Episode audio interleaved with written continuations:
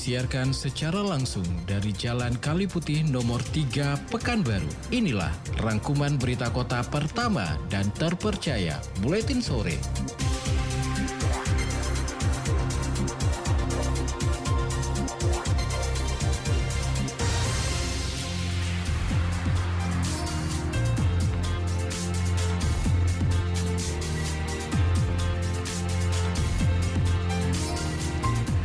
Mitra Kota inilah berita utama untuk hari ini. Tahun politik, Gubernur Syamsuar ingatkan masyarakat tidak terpengaruh isu yang dapat memecah belah persaudaraan.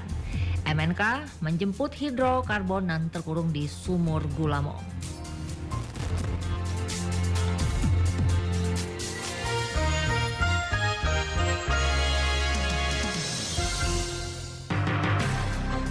Berbagai peristiwa terjadi setiap menitnya dari segala sudut pandang yang berbeda. Tidak ada yang luput dari perhatian kami. baru akhirnya menemukan kasus tidak samanya jumlah pajak yang disetorkan oleh pajak. Semuanya kami rangkum untuk Anda tanpa basa-basi. Membawa kabar yang real dan terpercaya ke ruang dengar Anda tanpa ada yang ditutupi.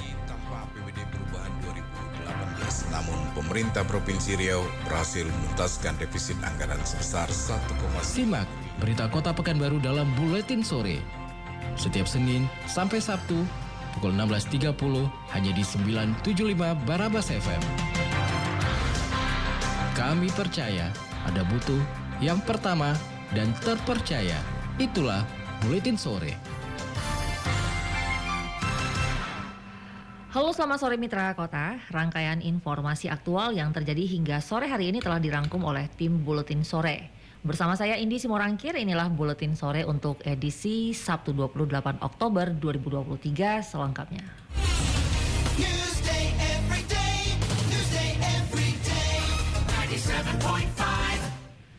Gubernur Riau Syamsuar memberikan pesan untuk pelaksanaan pemilihan umum 2024. Ia mengingatkan masyarakat tidak terpengaruh dengan isu yang dapat memecah belah persaudaraan.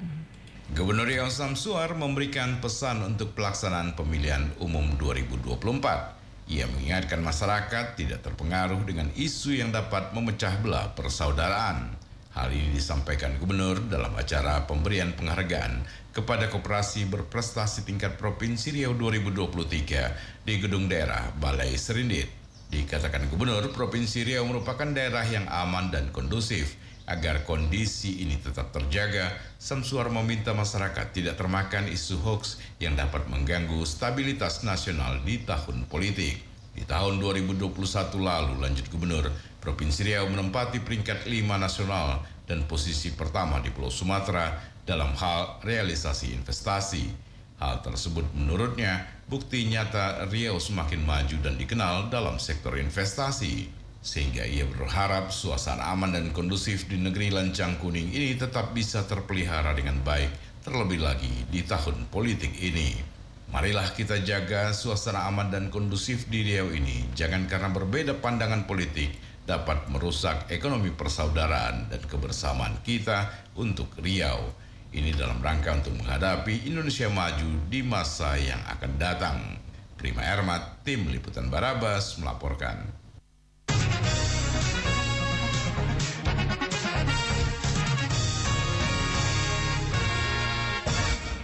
Pemerintah melalui Kementerian Keuangan meluncurkan paket kebijakan anggaran pendapatan dan belanja negara atau APBN untuk menjaga stabilitas dan momentum pemulihan ekonomi. Pemerintah melalui Kementerian Keuangan meluncurkan paket kebijakan anggaran pendapatan dan belanja negara atau APBN untuk menjaga stabilitas dan momentum pemulihan ekonomi. Kebijakan tersebut dilakukan dalam rangka merespon gejolak ekonomi global, perlambatan ekonomi Tiongkok dan kemarau panjang akibat El Nino.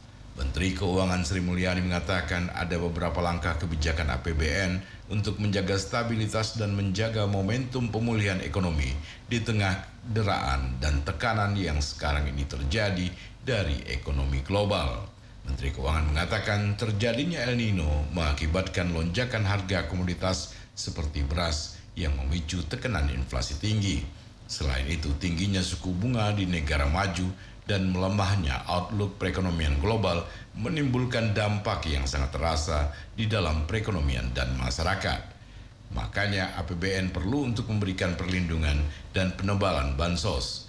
Sri Mulyani menjelaskan paket kebijakan pertama adalah penebalan bansos berupa tambahan bantuan beras dan bantuan langsung tunai. Kebijakan ini bertujuan untuk menjaga daya beli, stabilisasi harga, dan pengendalian inflasi. Ini yang kita lakukan keseluruhan untuk bantuan keluarga miskin dalam bentuk beras yang melaksanakan siapa institusinya adalah Badan Pangan Nasional Bapanas yang berarti kita akan menambahkan anggaran 2,6 triliun untuk penambahan bulan Desember nanti. Yang kedua, APBN juga merasa bahwa beras one tapi juga daya beli maka diberikan bantuan langsung tunai sama seperti waktu terjadinya pandemi. Waktu masyarakat tidak bisa jualan karena ada pembatasan, kita memberikan BLT ini karena trigger El Nino kepada 18,8 juta. Kenapa 18,8 juta? Ini yang sudah ada nama dan account number penerima sembako kita. 18,8 juta ini adalah kelompok penerima yang di nama, alamat, dan nomor account ada di Kementerian Sosial. Sehingga kita tidak mencari lagi siapa targetnya. Mereka akan mendapatkan 200 ribu rupiah per bulan untuk bulan November dan Desember. Karena ini udah akhir Oktober ya jadi untuk pelaksanaan 2023 adalah November Desember kita berikan 200 ribu 200 ribu untuk menambah daya beli mereka. Paket kebijakan kedua ditujukan untuk mengoptimalkan peran UMKM melalui percepatan realisasi kredit usaha rakyat lebih lanjut Sri Mulyani menjelaskan paket kebijakan ketiga adalah penguatan sektor perumahan untuk mendongkrak kegiatan di sektor konstruksi perumahan dan sekaligus membantu masyarakat berpendapatan rendah untuk bisa mendapatkan rumah. Bentuk kebijakan yaitu pemberian pajak tambahan nilai ditanggung pemerintah atau PPN DTP untuk penjualan rumah baru dengan harga di bawah 2 miliar. Bagi masyarakat berpenghasilan rendah, Pemerintah juga memberikan bantuan biaya administrasi selama 14 hari sebesar 4 juta per rumah. Terakhir, dukungan juga diberikan pada penambahan target bantuan rumah sejahtera terpadu untuk masyarakat miskin sebanyak 1.800 rumah. Prima Erma, Tim Liputan Barabas melaporkan.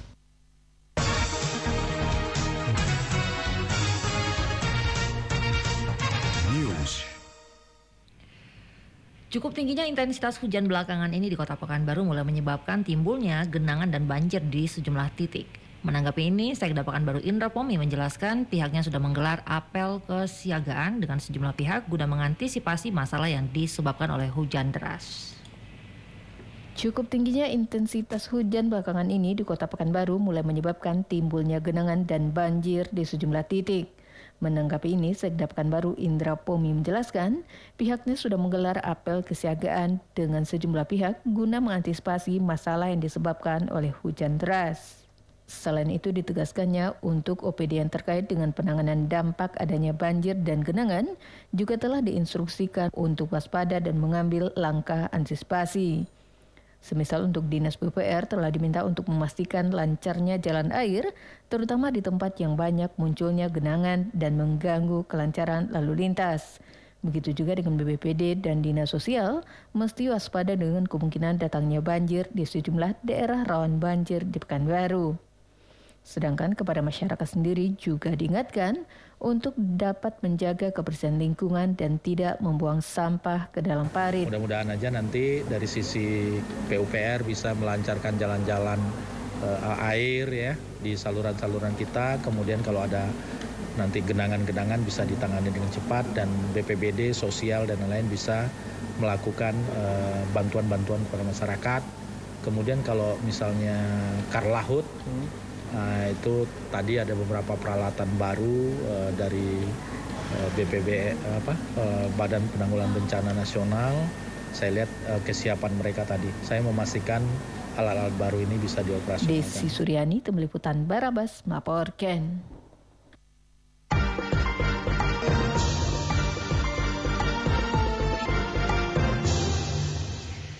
Mitra Kota silahkan follow Facebook kami di Radio Barabas. Inilah berita terakhir Buletin Sore untuk hari ini. Untuk mengurangi ketergantungan kepada impor migas, pemerintah melalui Kementerian ESDM telah menetapkan target di tahun 2030 mendatang. Produksi migas Indonesia harus mencapai 1 juta barrel per hari. Oleh karena itu, berbagai upaya dilakukan oleh SKK Migas bersama uh, perusahaan kontraktor kontrak kerjasamanya. Salah satunya adalah teknologi migas non-konvensional yang digunakan oleh PT Pertamina Hulu Rokan. Seperti apa teknologi terbaru dan pertama di Indonesia ini? Reporter Radio Barabas Prima Ermat menyajikannya dalam bentuk features yang berjudul MNK menjemput hidrokarbon nan terkurung di sumur Gulamo.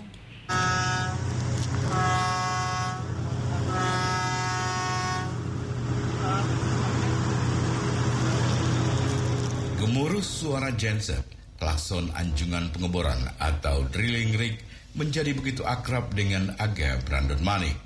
Perwira Pertamina Hulu Rokan atau PHR yang menjadi drilling supervisor pada anjungan rig PDSI 42.3 yang terletak di Sumur Gulamo di Desa Sungai Keladi, Kecamatan Tanah Putih, Kabupaten Rokan Hilir, Riau. Maklum, 28 hari ia habiskan waktu di pedalaman Sumatera ini, di tengah lapangan migas non-konvensional atau MNK Sumur Gulamu. Berkumpul bersama rekan-rekan kerjanya, jauh dari hingar-bingar kota, sudah menjadi rutinitas sebelum cutinya tiba. Untuk membunuh waktu atau kangen keluarga, memanfaatkan teknologi video call jalan keluar yang ia tempuh.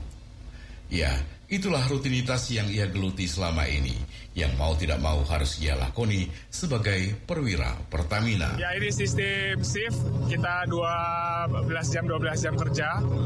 Kemudian kalau saya sendiri ini sudah ming, ini masih minggu pertama saya. Dari empat minggu saya bekerja di sini seperti itu. Keluarga saya semua di Jakarta. Uh, nanti setelah 28 hari saya kerja sini saya baru pulang. Ya itu memang dari dulu sudah resiko pekerjaan ya Pak ya.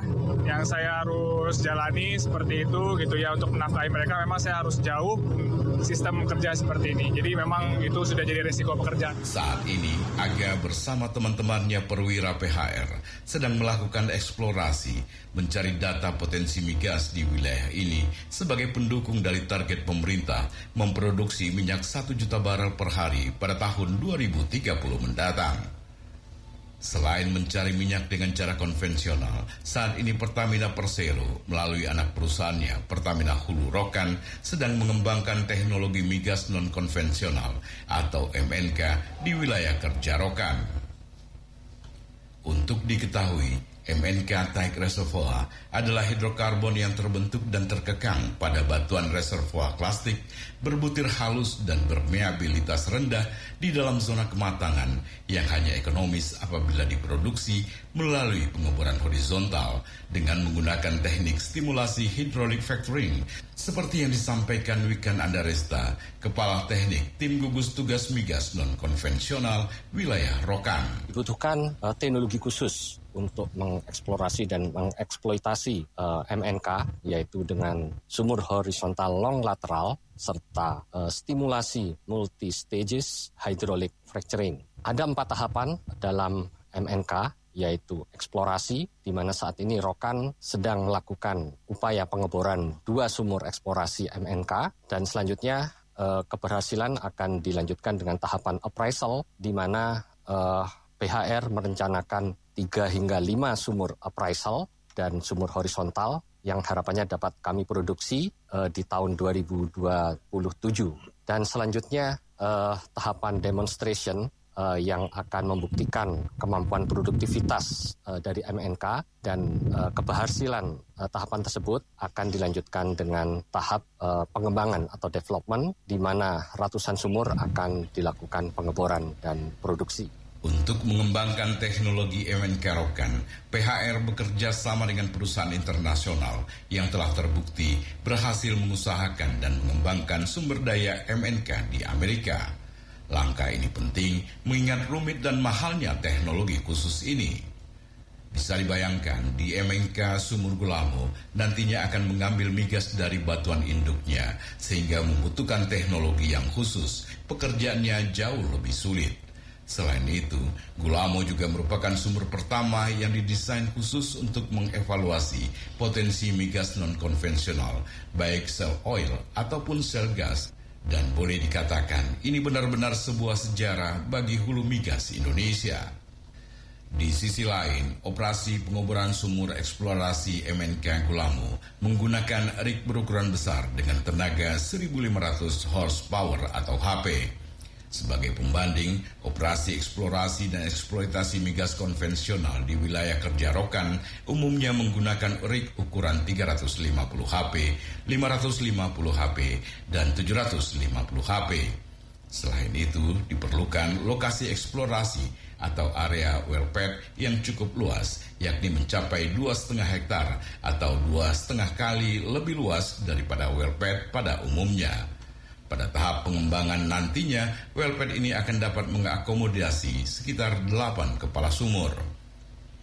Rencana besar ini sebenarnya sudah dimulai sejak akhir Juli lalu saat dilakukannya tajak atau pembuatan lubang perdana sumur MNK Gulamo. Menteri Energi dan Sumber Daya Mineral Arifin Tasrif pun harus datang meresmikan kegiatan tersebut. Dalam kesempatan itu, Menteri SDM mengatakan bahwa pasokan migas dalam negeri saat ini belum dapat memenuhi total kebutuhan energi nasional dan ini tentu saja akan berdampak terhadap impor. Maka diperlukan upaya untuk dapat mengurangi kebutuhan impor dengan menambah cadangan hidrokarbon. Kalau kita bicara pertumbuhan dan kita lihat balance daripada migas kita saat ini, kita memproduksi kurang lebih 1,8 1,9 juta barrel oil equivalent per hari.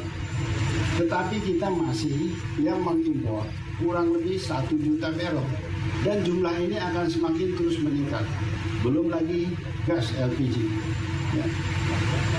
Kita juga harus berhitung, kita memiliki potensi dan sejauh mana potensi itu bisa kita manfaatkan.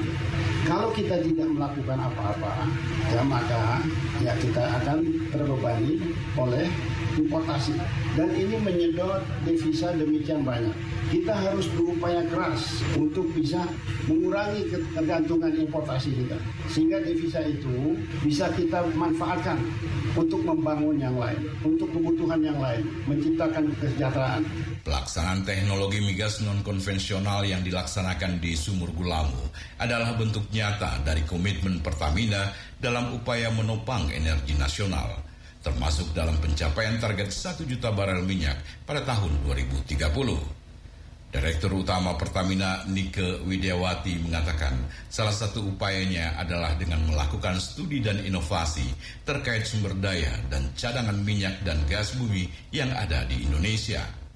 Studi dan inovasi itu kini telah diwujudkan oleh Pertamina Hulu Rokan. Paling tidak saat ini mereka telah berhasil melakukan eksplorasi di sumur Gulamu. PHR menurut Wikan Andarasta sedang melakukan uji lab untuk menentukan interval dalam uji tes pengaliran minyak dan gas ke permukaan. Sejauh ini eh, PHR sudah berhasil menyelesaikan satu sumur eksplorasi yaitu sumur MNK Gulamo di mana kami berhasil mengakuisisi data inti bor atau core, eh, kemudian juga eh, data-data wireline logging yang selanjutnya saat ini kita uh, sedang lakukan analisa laboratorium agar uh, dapat uh, menentukan interval yang akan kami lakukan uji tes pengaliran minyak atau gas ke permukaan serta melakukan mini frac untuk interval tersebut. Dan selanjutnya harapan kami keberhasilan eksplorasi ini dapat meningkatkan kepercayaan dan pembuktian uh, eh, MNK untuk berkontribusi uh, terhadap target pemerintah di tahun 2030 dengan kontribusi terhadap produksi nasional 1 juta barel. Begitu besar harapan kepada proyek migas non-konvensional atau MNK Gulamo ini. Bagaimana tidak, ini merupakan proyek pertama dan satu-satunya di Indonesia yang tentunya akan ditunggu dan menjadi barometer keberhasilannya untuk diterapkan di tempat-tempat lain. Harapan yang lain justru disampaikan Gubernur Riau Samsuar. Ia mengatakan Pemprov Riau sangat mendukung upaya ini karena pendapatan negara tentu akan berpengaruh kepada pendapatan daerah yang akhirnya tentu akan berdampak bagi kesejahteraan masyarakat. Namun di sisi lain, keselamatan kerja tetap menjadi prioritas. Kami pemerintah Provinsi Riau tentunya menyambut baik dan mendukung adanya kegiatan usaha seperti ini. Karena bagaimanapun pendapatan negara juga berpengaruh dengan pendapatan daerah. Jadi karena itulah adanya usaha seperti ini kami sangat dukung, mendukung dan tentunya uh, di dalam pelaksanaan ini kami harapkan dapat berjalan dengan sebaik-baiknya dan kami harapkan juga perhatikan keselamatan kerja. Jangan sampai ada lagi kecelakaan karena beberapa kali kemarin juga adanya pekerjaan rig terjadi kecelakaan bahkan meninggal dunia. Jadi harapan kami mudah-mudahan adanya seperti ini ya terutama yang berkaitan keselamatan itu harus menjadi utama. Keselamatan kerja, iya semua sepakat bahwa keselamatan kerja harus menjadi hal yang utama. Menteri ESDM Dirut Pertamina juga menekankan hal yang sama.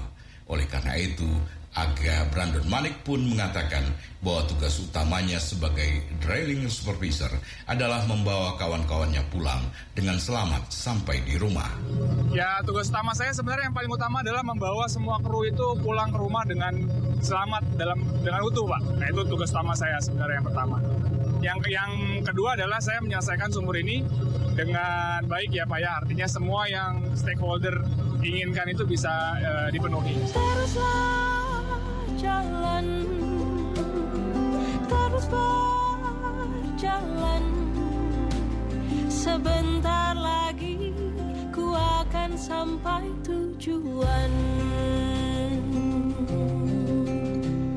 Jalan yang jauh jangan lupa.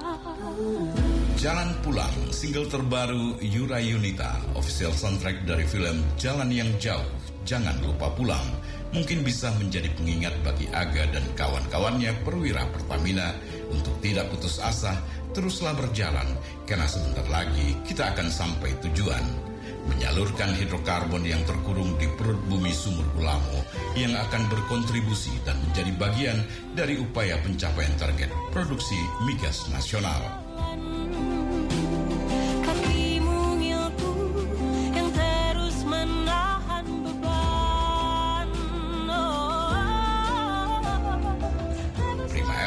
Tim Liputan Barabas melaporkan.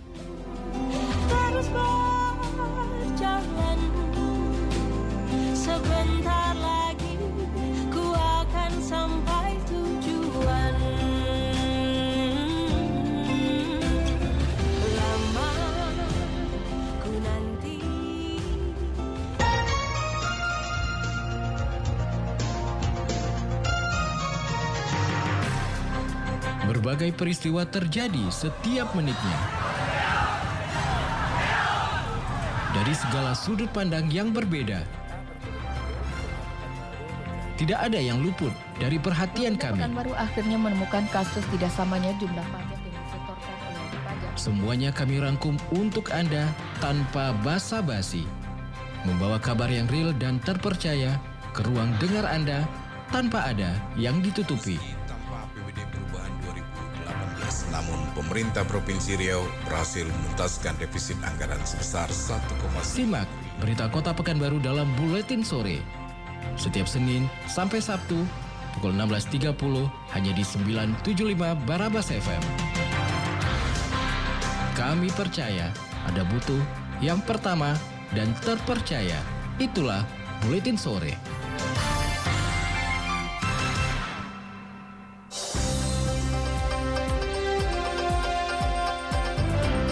Terima kasih.